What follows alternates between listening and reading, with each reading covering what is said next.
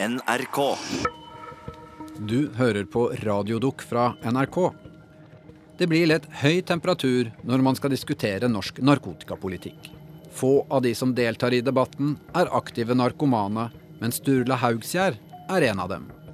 Programskaper Espen Thoresen ville egentlig lage et portrett av Sturla, mens hovedpersonen ville diskutere ruspolitikk. Siden ingen av dem følte seg helt i toppform, ble det noe helt annet. En ustø duell mellom to menn ute av balanse. Her er to trøtte typer. Ja, jeg sendte deg meldinger, og du svarte ikke. Ja, men jeg satt den her fra fire til halv fem for å avtale tid. Ja, og i god tid så... Han du hører i bakgrunnen heter Sturle Haugsgjerd. Før denne samtalen har vi hengt sammen i noen måneder, men for hver gang vi snakket sammen, gikk det litt dårligere enn sist. Jeg kjente ikke til Sturla før han i fjor begynte å dukke opp i narkorelaterte TV-debatter. Sturla her. hvis jeg sier at eh, kampen mot narkotika er allerede tapt, er du enig i det? Det korte svaret er ja. Eh, Kampen mot narkotika har aldri vært mulig å vinne. Med en holdning som minnet om en musiker etter en lang turné, håndterte han scenevante motdebattanter med en eh, skjødesløs eleganse som rett som det var bikket over til blank arroganse. Narkotika er 51 forskjellige ting. Du må nesten snevre ned litt. Grann. Ja, han snakket vel både om heroin men hva snakker du om? Du kan ikke, men du kan ikke si narkotika. Men jeg gleder møtet.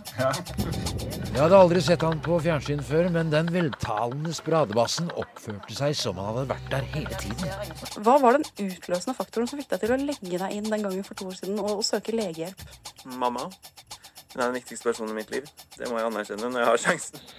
Mexico, Han hadde holdt tale for FN. as a drug user, I am unwanted. And as an activist, Sturla, du er rusavhengig. Ja.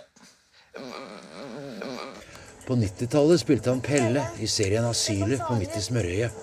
Kanskje pappa vet hvor hun er? Samme spørsmål til deg, Sturla. Nei, jeg, altså, jeg er helt uenig i hennes analyse, for jeg mener at Sturla gjorde inntrykk av å være en eh, prima fyr. 30 av de innsatte i norske fengsler sitter på narkotikadommer, noen veldig veldig lange. For det er traumer i barndommen som leder til de tyngste Men som sagt, hver gang vi snakker sammen, gikk det litt dårligere enn sist. Hvordan går det? Eh, I dag har jeg tatt eh, heroin. La oss hoppe et eh, par måneder tilbake i tid. Vi er på vei til Tyrili. Sturla skal legge seg inn for avvenning og bli kjørt dit av eh, Trine, som er moren hans. Nei, jeg har grua meg litt, liksom. Og... Hva tror du i dag, Trine? Jeg, jeg velger å tenke positivt. Jeg tenker at Det jeg sender ut, eh, både om meg selv og andre, det er det som mest sannsynligvis kommer til å skje. Sånn kan det hende, vet du. Sånn som han uteliggeren der. Ja, ikke sant? Bitter sweet ending. Hei, Stian. Jeg er inntaksformator. Jeg har jobba litt med Sturla i forkant. Ikke veldig mye, for Sturla har jo vært i Thailand og gjort sånt. Med deg. Har du vært der òg? Jeg måtte jo det. Ja, du var med, ja. Der, ja. Han stakk av. Ja. Men før jeg rakk så langt, forsøkte Sturla å ta en overdose. Eh, ja, jeg hadde en episode der i, i jula i fjor. Hvor jeg fant alle pillene vi hadde i huset, og dytta dem i meg. Men jeg tror de på fagspråket kaller det et paraselvmordsforsøk. Men det er trist og barnslig. Som jeg ofte er. Men eh, bare la det være sagt. Det var ikke bare Sturla som var i dårlig form på denne tida. Jeg hadde nettopp kommet hjem fra Cape Town, der en jeg trodde var en venn, viste seg å være en gjedde i sivet. Så jeg var trøtt, og jeg var lei, og jeg ville bare hjem og legge meg på sofaen. Bare trekke pusten litt eh, før vi begynte på dokumentaren om en mislykket narkotikapolitikk. Men eh, livet er ikke opptak. Virkeligheten er direkte sending, og ja, handlingen sleit seg.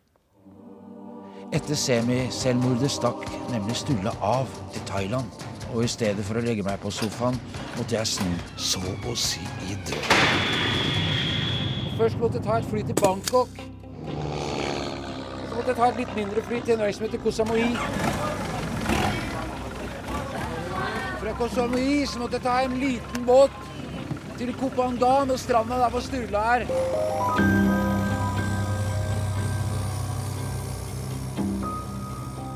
så går det an å spørre hvorfor trekke mine egne problemer inn i en dokumentar som skal handle om Sturla Haugsgjerd.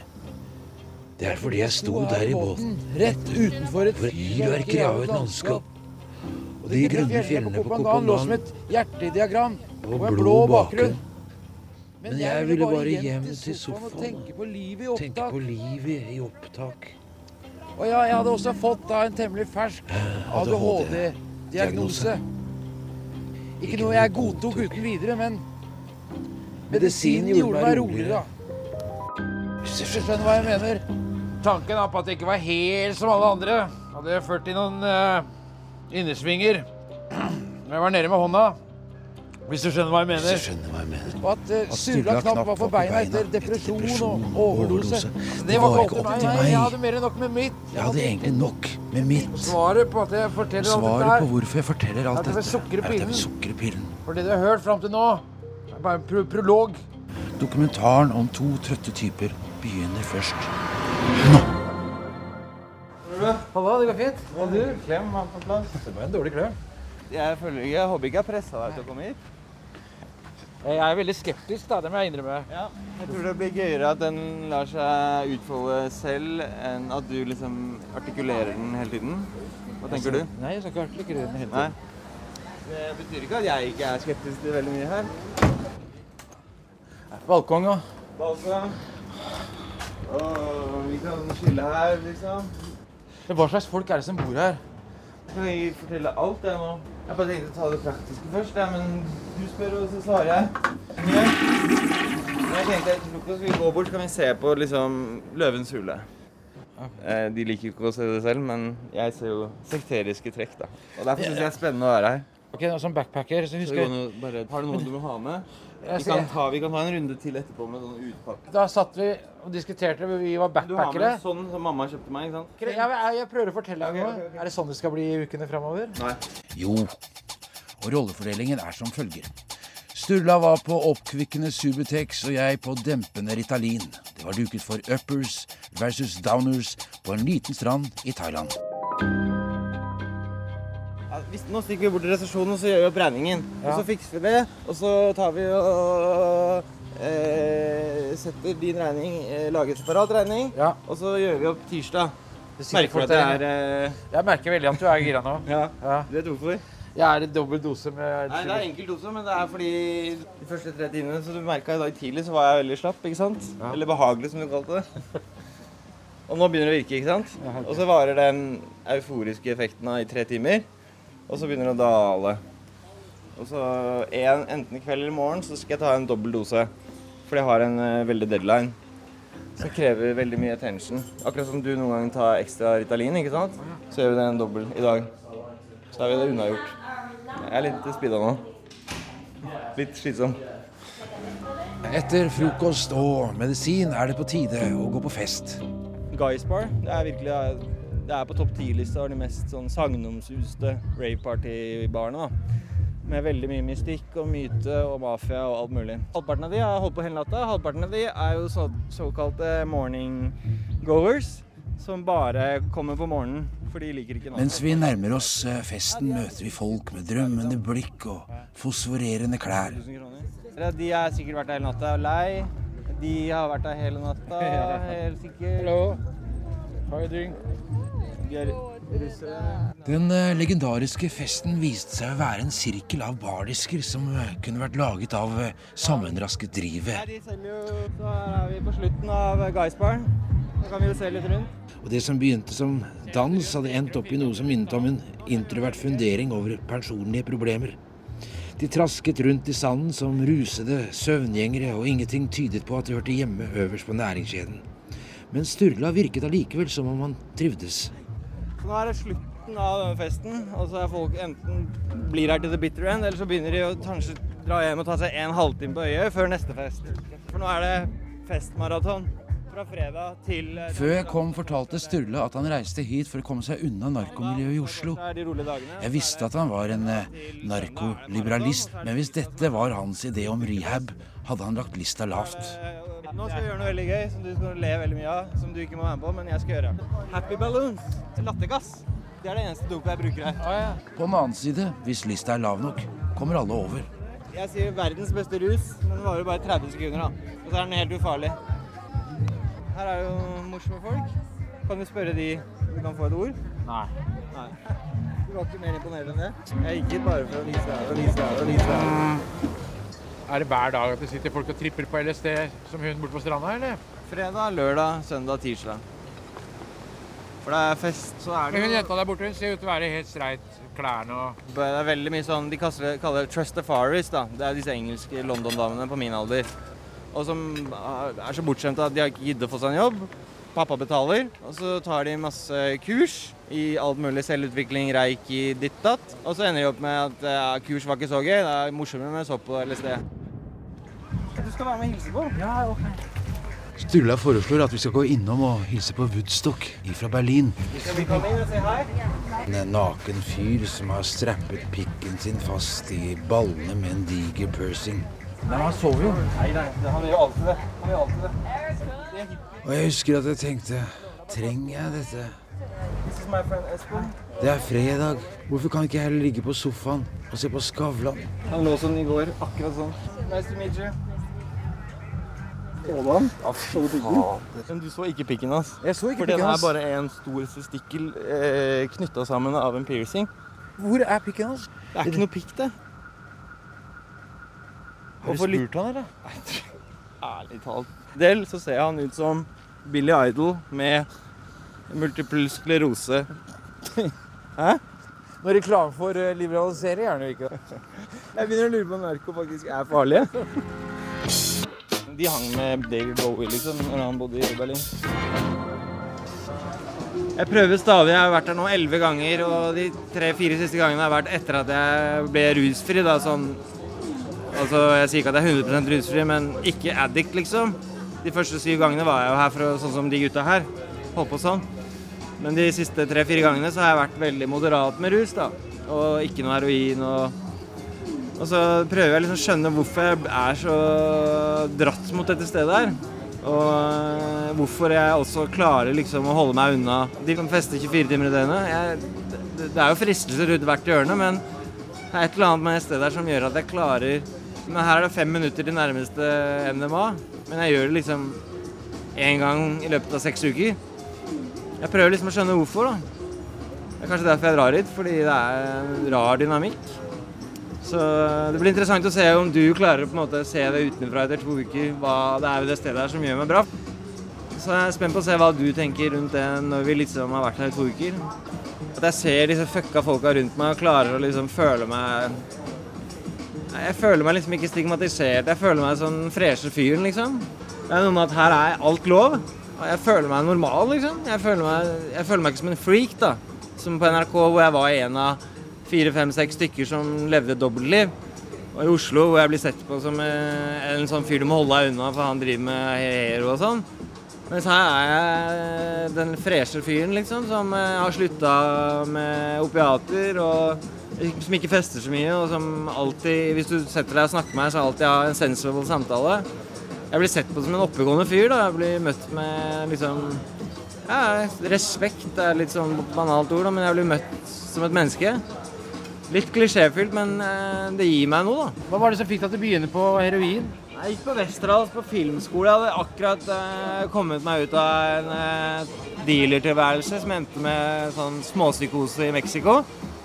Og vært eh, sengeliggende i to år. Mental breakdown, rett og slett. Jeg klarte å karre meg ut av det litt ved hjelp av eksen min og mora mi også. Og så klarte jeg å søke meg inn på Westerdals da jeg var 22 på film, ny, nye, nystarta filmlinja, som var min drøm da jeg var liten, å bli filmregissør.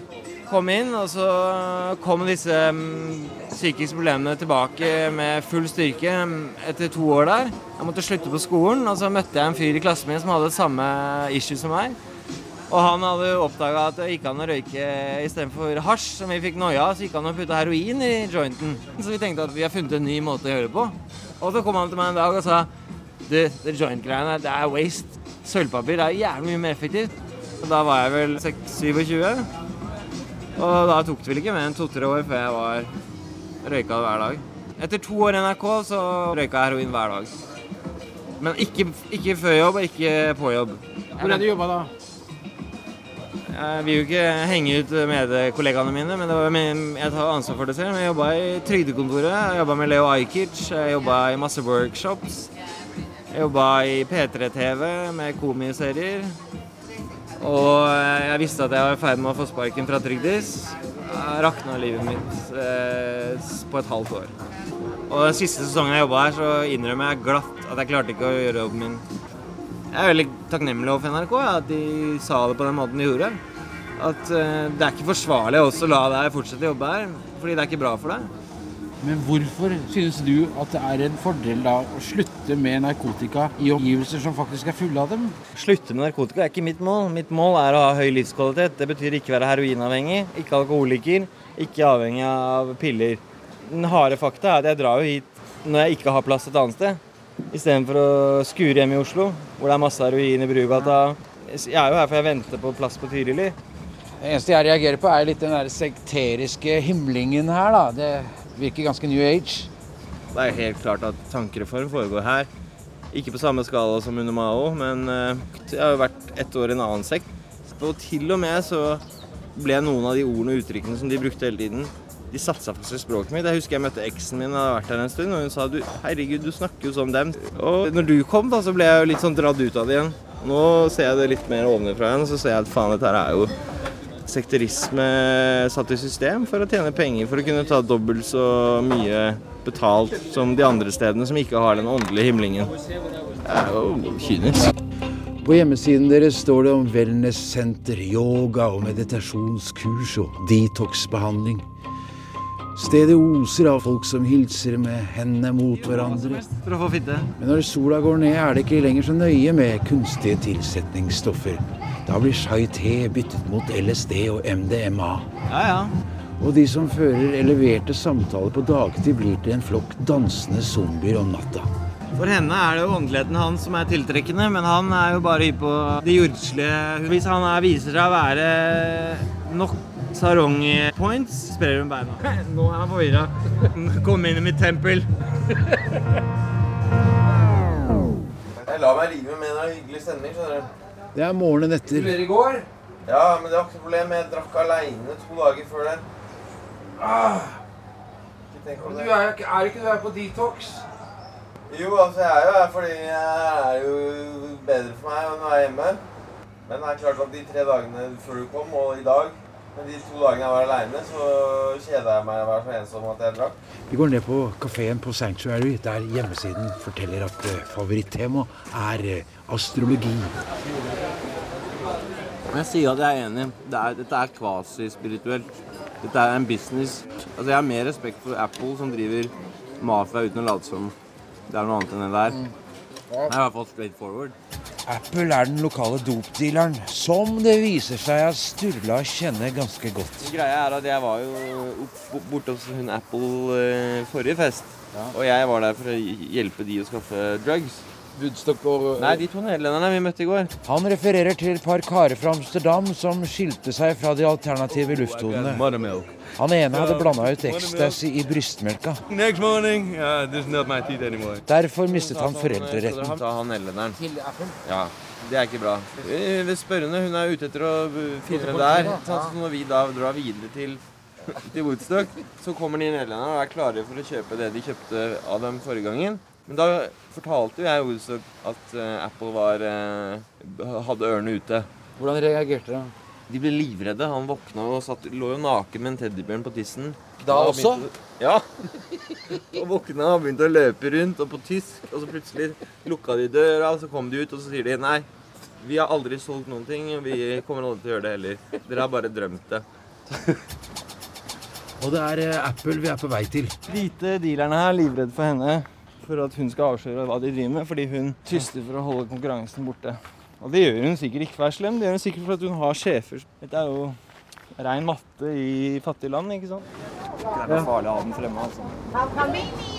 Da putter jeg den unna. But the low season is 500 bucks. Thank you. It's a liquid price system. Stone Bar er som det meste annet laget av bambus og drivved, og bak disken sitter Apple. En tannløs eldre dame som lignet en bingovertinne. Foran disken henger det kunder ikledd restopplag fra Woodstock-festivalen som studerer menyen. Etter at Sturla har betalt, går vi på Bamboo bar. Her er det flere andre gjester som eh, bruker shorts, og ingen som reagerer på opptaksspilleren. Hvordan er det de andre gjestene på Sanctuary reagerer på at du er eh, narkoman? Ja, nei, De vil ikke ha sånn som jeg er. De vil ha folk, de vil ha upper middle class-folk som egentlig ikke har noen problemer. For de påsto å hjelpe folk veldig. Men de folka som virkelig trenger hjelp, de vil de helst ikke at skal komme hit. De vil ha lette, rike, lett påvirkelige folk som vil utvikle seg 5-10 som allerede egentlig har det helt eh, fint. Men det er jo nykolonialisme med en åndelig ferniss. Og det er ganske mørkt. Det er førpremiere på Kulturhuset i Oslo. Som hva dere har akkurat hørt eh, halvdokumentaren. Eh, Sturla, hva syns du nå, da? Uh, ja, det var jo uh, Det er et veldig godt spørsmål. Uh, jeg vet ikke hvor mye inntrykk dere fikk av det stedet vi var. Det er litt sånn, Jeg har jobba i media selv. Det er litt dårlig satt opp. Hvis jeg hadde jobba i NRK, så hadde jeg fått kjeft av sjefen min for at dette er dårlig satt opp. Men eh, vi er altså på et eh, litt sånn New Age-aktig healing rehab. Men eh, la oss si for diskusjons at dere har fått med hvor det var. da Og det å ha Espen der som hater alt, som liksom bare en fyr har på seg en shorts som er oransje, liksom, så er han eh, Tror han på scientologi, liksom? Altså, det, Nei, han er helt nei, nei, ekstrem den andre veien. Så det var ganske slitsomt. Det var sånn så spørsmålet Ja, det var, det var litt slitsomt, men han er en jævla hyggelig fyr. da. Det er du som foreslår å bruke det som en Jeg ville helst sitte og diskutere ruspolitikk ja, over en Ja, ja, kaffe og eventuelt en øl, Ja, vi liksom. gjør det også, men det er du som lanserer MDMA, at vi skal ta det Nei, jeg sa vi skulle ta MDMA med en fyr som har Parkinson fra Ungarn, for å se om han eh, kommer til å få den virkningen som han påstår han fikk, og det fikk han jo. Det har du klippa ut. MDMA er virkestoff i, i partydopet ecstasy. Hva som er galt med ruspolitikk, da, foreløpig, så har jeg ikke fått noe taletid i den forstand. Jeg har sagt det er et portrett. Ja, ja, men jeg, Det er ikke et politisk jeg- jeg- innlegg, du vet det. Ja, ja, og jeg, så vi får håpe at det blir noe ruspolitikk på slutten. Vi får se. Tusen takk for oss. Del to. Splittelsen. Nei, jeg har utviklet et eh, lite alkoholproblem. Hva mener du? Nei, jeg, jeg har drukket en halv flaske eh, whisky hver dag i en uke strekk. Burde du i hvert fall da bestemme deg at du ikke skal drikke den i dag, da? Ja, jeg burde gjøre det, men det står jo en halvflaske, så jeg må nesten gi den til deg. Ok. Han Viktor møtte i går, vet du, han ungareren med Parkinson. Ja. Eh, tror nesten vi må ta en DMA jeg, med han. For noe, altså Vi må nesten ta det selv også, for å Som en vitenskap. Jeg vet ikke om jeg trenger å ta det. Jeg Jo, tror nesten det, altså.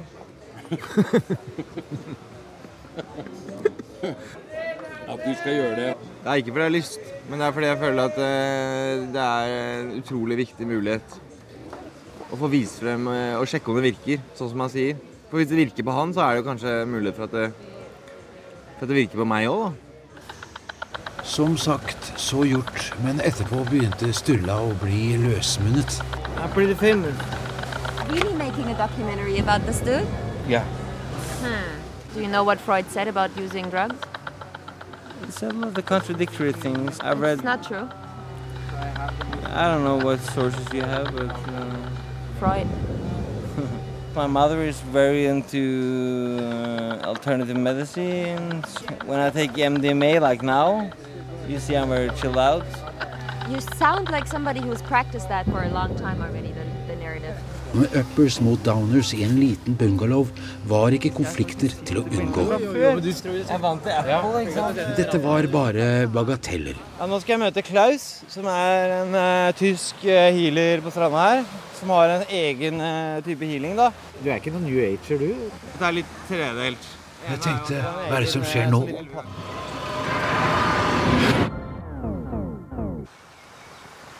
Mental command, cleaning of stress. Okay? Ja, ok.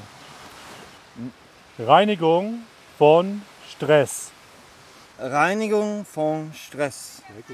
Klaus er en litt uh, dodgy karakter som uh, hevder å kunne kurere utslettende Sturlas hender ved å rope kommandoer inn i en metallplate før han legger den på brystet hans. Reinigung von Ekzemen. Han har ikke råd til å bo på Sanctuary, og i stedet så henger han rundt i randsonen for å plukke smuler fra trøstafariene. Body Command. Reinigung von Ekzemen. Det som overrasker, er at det virker som at Stulla tror at denne idiotiske behandlingsformen har noe for seg. Perfekt. Reinigung von Ekzemen. For det kan være stigma at du faktisk er Jesus. Jeg må ta dette litt på alvor. Jeg kan gå hjem, ja. Nei. You have ADHD? Ja, ja. You have medicine for this to cooling down? Sometime. Uh-huh. Reinigung von Ekzemen.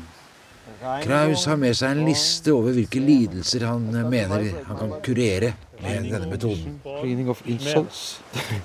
kan altså være for ryddet opp både fornærmelser, livsløgner, manipulering, hjernevask, mishandling, Reinigung fornærmelser, påstander, shocking moments, ADHD, nightmares Everything you can repair. Mind and the body. After Atlantis time, after Eden time, Iron time is finished, and now we have to jump upstairs to move. Sturla, fyren er åpenbart eh, som forvirra. Nei, jeg kjenner den jo. Det er jo helt ute å kjøre. The word is lifting. Altså, det er helt galt, Dette har jeg fått til med morsmelka, så det er ikke noe nytt. Det mener jeg. Min sånn eh, litt sånn geipen ute-innstilling når jeg har ned til Ja, healing Nei, la meg snakke ferdig. Ja, sunn skepsis. Jeg er åpen. Jeg er ikke her for å gjøre narr av Klaus. Og det er veldig mye placebo i det. Hva koster dette her? Gratis. Du veit at dyr placebo er- virker bedre enn billig? Ja, det kan godt stemme. Reinigung von Schmerz. Jeg innrømmer at jeg var litt skuffa over eh, Stulla, som ellers virka å være så smart. Reinigung von Reinigung von Schmerz. Jeg gikk hjem. New Agerne ser ned på oss, men det er greit. Det jeg ikke forstår, er hvorfor Sturla oppsøker dem. Det er trendy å være avintellektualisert. Vi ser det her blant US-folk, hvite europeere som flykter på en måte fra faktasamfunnet. De er overloadet av informasjon, ikke sant? de har PC-jobber og sånn. De kommer til Sør-Amerika og Sørøst-Asia for å avintellektualisere seg. Ned med hodet, opp med hjertet. Hele med Trump og den politiske bevegelsen, det handler veldig mye om følelser, veldig lite om ta bort hodet, ikke hør på hva han faktisk sier. Men også rusbehandling. Og må huske på at eh, I rusbehandling så hører du hele tiden Nå intellektualiserer du. Nå er du besserwisser. Nå bruker du hodet. Da blir du aldri rusfri. Og norsk rusbehandling er jo basert på to ting. Det er basert på anonyme alkoholikere, som er en kristen, konservativ, moralsk sekt fra 1930-tallet i Minnesota. Og cognitive behavioral therapy, som er amerikansk eh, psykologifenomen fra 50-tallet. Norsk rusbehandling er stort sett basert på de to prinsippene. Det er liksom 30-, 40-, 50-tallet i USA. Det er ikke noe fremme i skoa i det hele tatt. Og der er det å avintellektualisere, det er, det er, liksom bra. F.eks. det å le, lese seg opp eh, på vitenskap rundt avhengighet. Det er fy-fy. Du som rusavhengig pasient skal ikke sitte der og lære deg, lese lærebøkene som vi eh, som jobber i psykiatrien og rusomsorgen, ikke engang har lest. Nei, fy faen. Reinigung von Ekzemen. To trøtte typer i en bungalow som konfronterer hverandre, var kanskje ikke en så god idé. Jeg blir full. Etter å ha levd eh, tett sammen i to uker, begynte vi å gå hverandre på nervene. Så begynner du å fortelle en historie, og så sier du at jeg er frekk. Du kan vel ikke tro jeg sover Jeg oppfattet Sturla som selvopptatt. Nei, nei, men Jeg er midt i en internetting, for det her er nytt for Men, meg. Men den, den følelsen var gjensidig. Dra opp SMS midt i en samtale. Den kjenner jeg. Med mamma, og hun Og der nevner han mamma igjen, ikke sant? Mamma. Sint på mamma. Love my mom. Mamma. Kjære mamma. Til mamma. Mamma til mamma, til mamma, til mamma, til mamma. Sturla virket eh, som han sto i spagat mellom rasjonalitet, new age og morsbinding. Og eh, ja, som moren hans sa i bilen på vei til Tyrili. Det jeg sender ut, eh, både om meg selv og andre, det er det som mest sannsynligvis kommer til å skje. Og det som skjedde, var at sønnen valgte å bli healet av en borderliner fra Hamburg. Reinigung von Schmerz. For som Sturla sa Det har jeg fått til med morsmelka, så det er ikke noe nytt. En intellektuell som oppsøker de antiintellektuelle. En narkoman som skal slutte med dop på et sted der andre begynner. En morsavhengig individualist. Hvorfor du det var et paradoks at jeg var en av de smarteste gutta i byen. Nå lager jeg gåseøyne. Eh, Men allikevel eh, hadde så dårlig selvtillit til tider. Og tider, syns du har det hele tiden. Ok.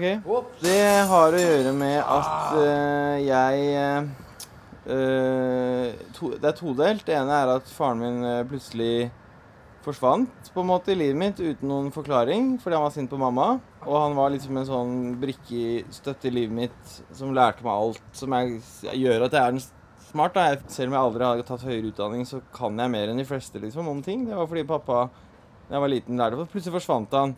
Det er akkurat den alderen hvor liksom man skal gå for Han har gitt meg med farsmelk, holdt jeg på å si. Så han, gitt, han hjalp meg med, jeg gikk på Steinersen, han hjalp meg med særoppgaver. Jeg var en veldig intellektuell kid, da. Men så forsvant jo han da, og da valgte jeg på en måte hasj og smågangster og syntes at det var kulere. Sier du at du skeia ut fordi du ikke hadde noen farsfigur akkurat i de primære årene der?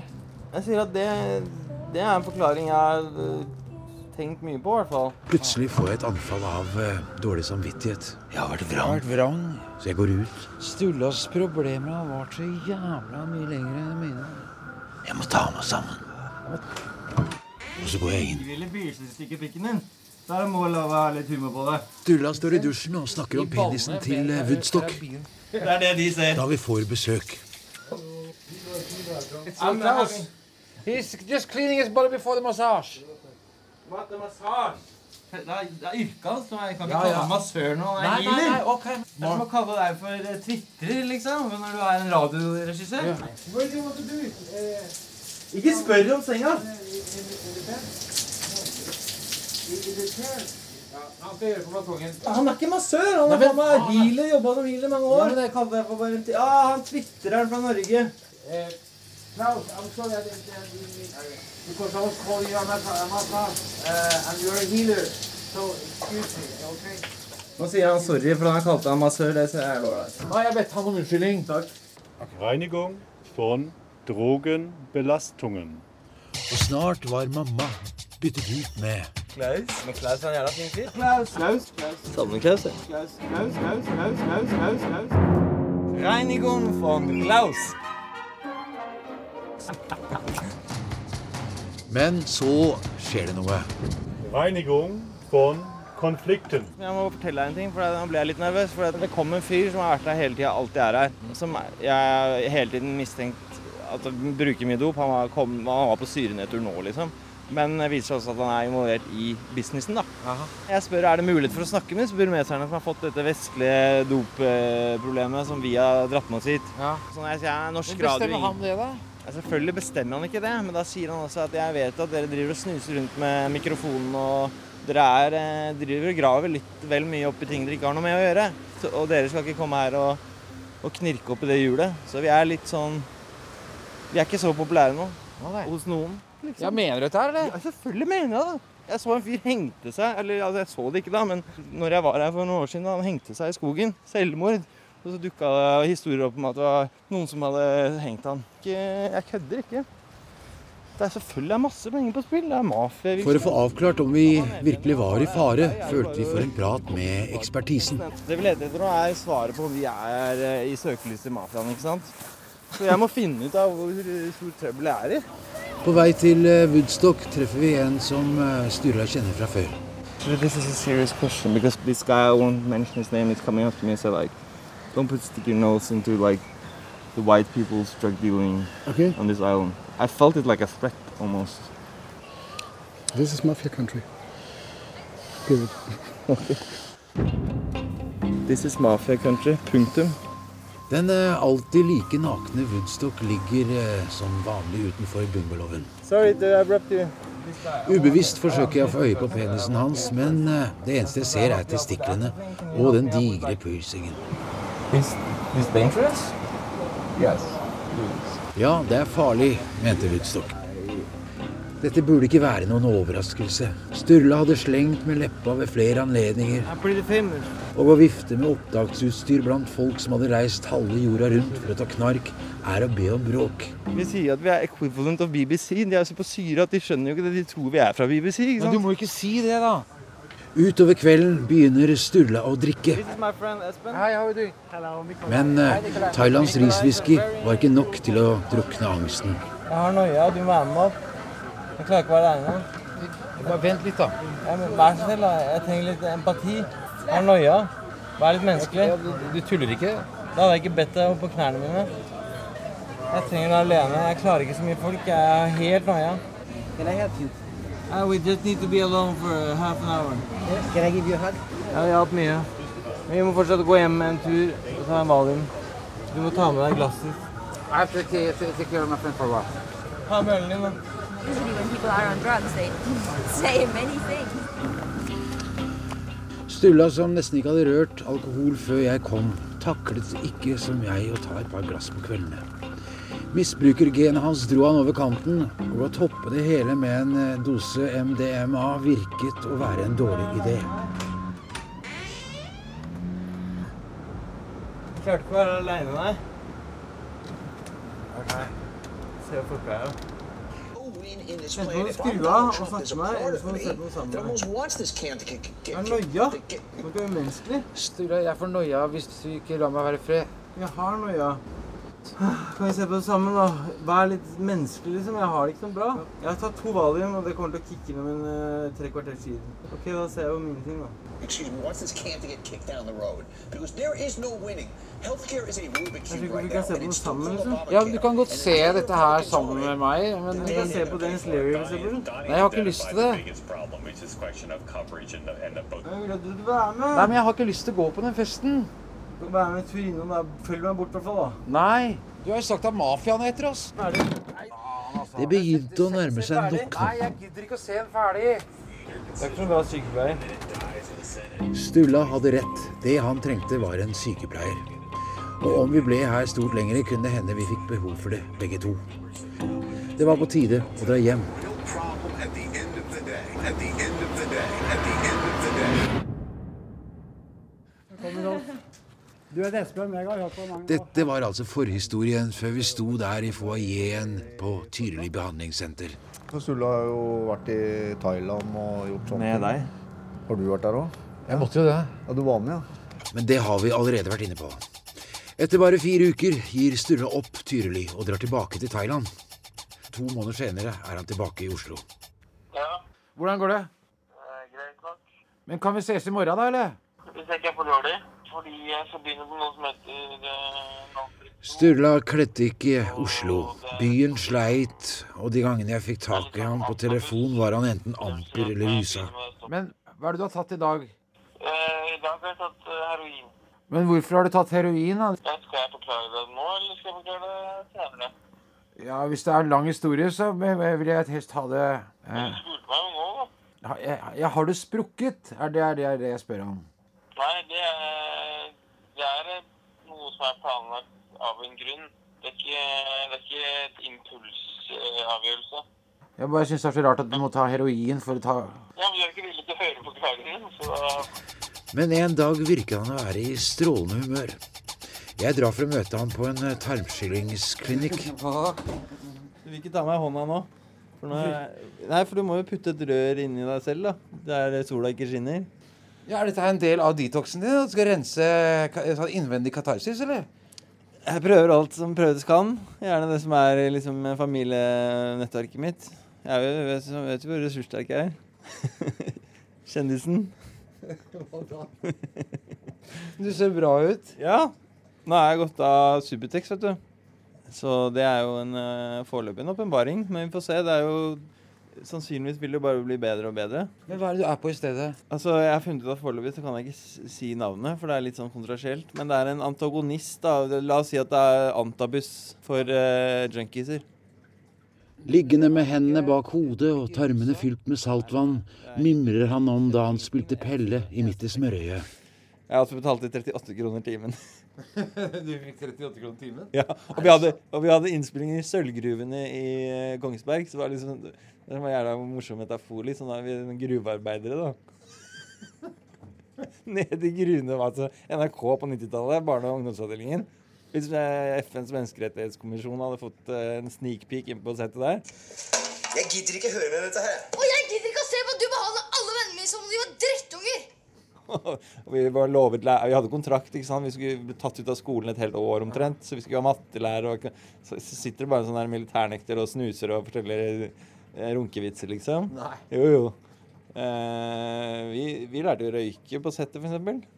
NRK leder til røyking. røyking. Hasj leder til heroin. Pelle driver på med et eller annet for tida. Å, fy faen! Ja, det er tarmskylling. Ja, Du ligger og driter nå, eller? Ja, det er ikke relevant. Altså det å både bli rusfri selv og forandre ruspolitikken samtidig, det er jo jævla slalåm. Eh, men jeg mener at det er et veldig viktig poeng at noen gjør det. da. Hvis alle som skal uttale seg om ruspolitikk, er de som har blitt 100% rusfri liksom fem år etter, så melder de seg på debatten. Vi må ha noen av de som står i det også. Men vi er nesten bare to, da. Brukerstemmer som er ute i offentligheten og mener noe mens vi er i aktiv bruk. Det er jo et, poeng. Jeg skulle ha noen venner på besøk og invitere Sturla til å komme. Han fikk høre et nytt strekk av dokumentaren, og jeg var spent på hva han mente. Ja, hva syns du? Det er veldig morsomt, men det går jo på bekostning av meg, da. Det er medieselvmord. For Lina, når du ringte, så, så var du på vei til Brugata Jeg leser funker i morgen, er dop hvis jeg skal fungere. og skulle kjøpe heroin. Ja. Og så ringte du ikke tilbake. Nei, altså, jeg prøvde jo å gå over eh, Gå av Subutex. Og det For jeg orka ikke å gå på det lenger. Og da eh, prøvde jeg å trappe ned litt via heroin, da. Du kjøper deg noen dager uten abstinenser, men du får også smaken på heroin igjen. Så nå har jeg vært ute på en to uker eh, lang eh, av og på-periode. Litt rusfri og litt heroin. Hva er du på nå, da? Eh, nei, nå er jeg på vei, heroinen på vei ut av kroppen, og nå er jeg Alarmen står på. I morgen skal jeg ta Subutex igjen. Og krype til korset. Innse at jeg er ikke klar for å stå uten medisiner helt ennå. Men Har du gitt opp eh, hele detox-prosjektet, da, eller? Nei, det vil jeg ikke si. Det, det er bare et skritt på veien, liksom. Men jeg har jo skjønt at med alt jeg har gående om dagen, så er jeg nødt til å stå på Subutex litt lenger. Det han har gående, er at eh, fredag 13.10 skal 13 tekster om en mer human narkotikapolitikk leveres til helseministeren Bent Høie. Jeg treffer han sammen med de andre tekstforfatterne mens de venter utenfor eh, Høyres hus. Dette er min Orwell-teori, da. Hva da? At, uh, dystopien om at alt skal overvåkes. Hvis alle var overvåket 24 timer i døgnet, så hadde vi fått et korrekt inntrykk av hvor dårlige mennesker alle er, egentlig. Og da hadde lista blitt lagt mye lavere, så hadde folk godtatt at uh, folk er griser og narkiser, og folk er jo helt gærne hvis du vet hvordan de holder på på privaten. Hei! Applaus!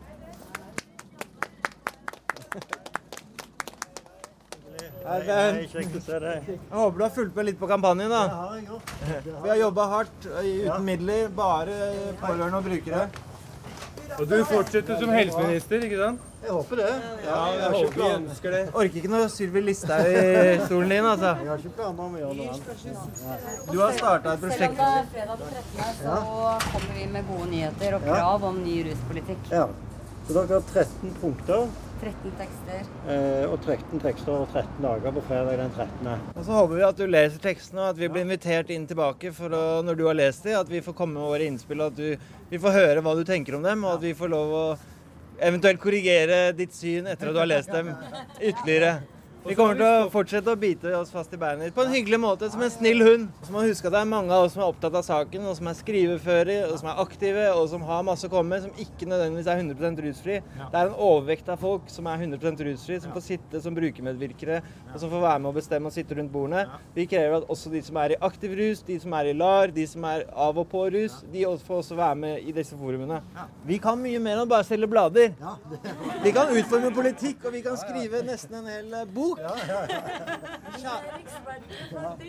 Du er vår helseminister. Du er vår helseminister. Vår helseminister!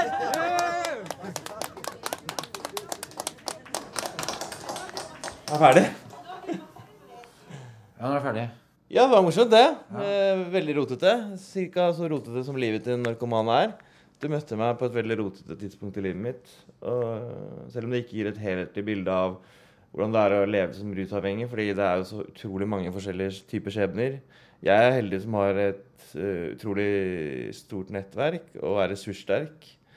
Jeg har en mor som stiller opp hele tiden. Vi har ikke mye penger, men i forhold til de som sliter aller mest, så har vi klarer oss greit. Eh, Så jeg vil, jeg vil kalle meg for en heldig rusavhengig, da. Men allikevel så, så, så, så hører du jo når du hører på den dokumentaren at her, er- her møter du meg når jeg er mellom to stoler i helsevesenet, ikke sant? på vei fra et sted.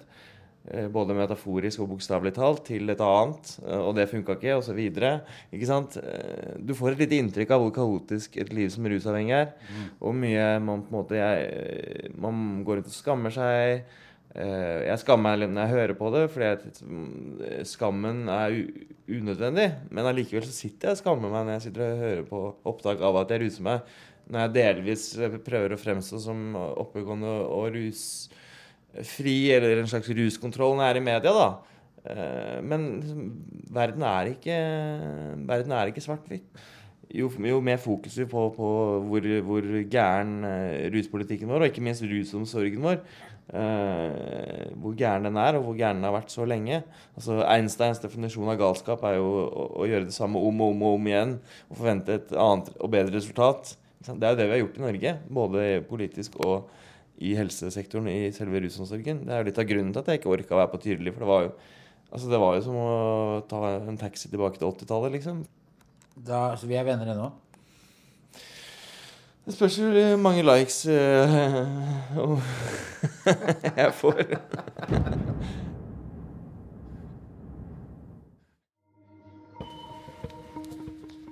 Du har hørt To trøtte typer, laget og redigert av Espen Thoresen. Konsulent Line Alsaker og lydetterarbeid ved Kjetil Hansen.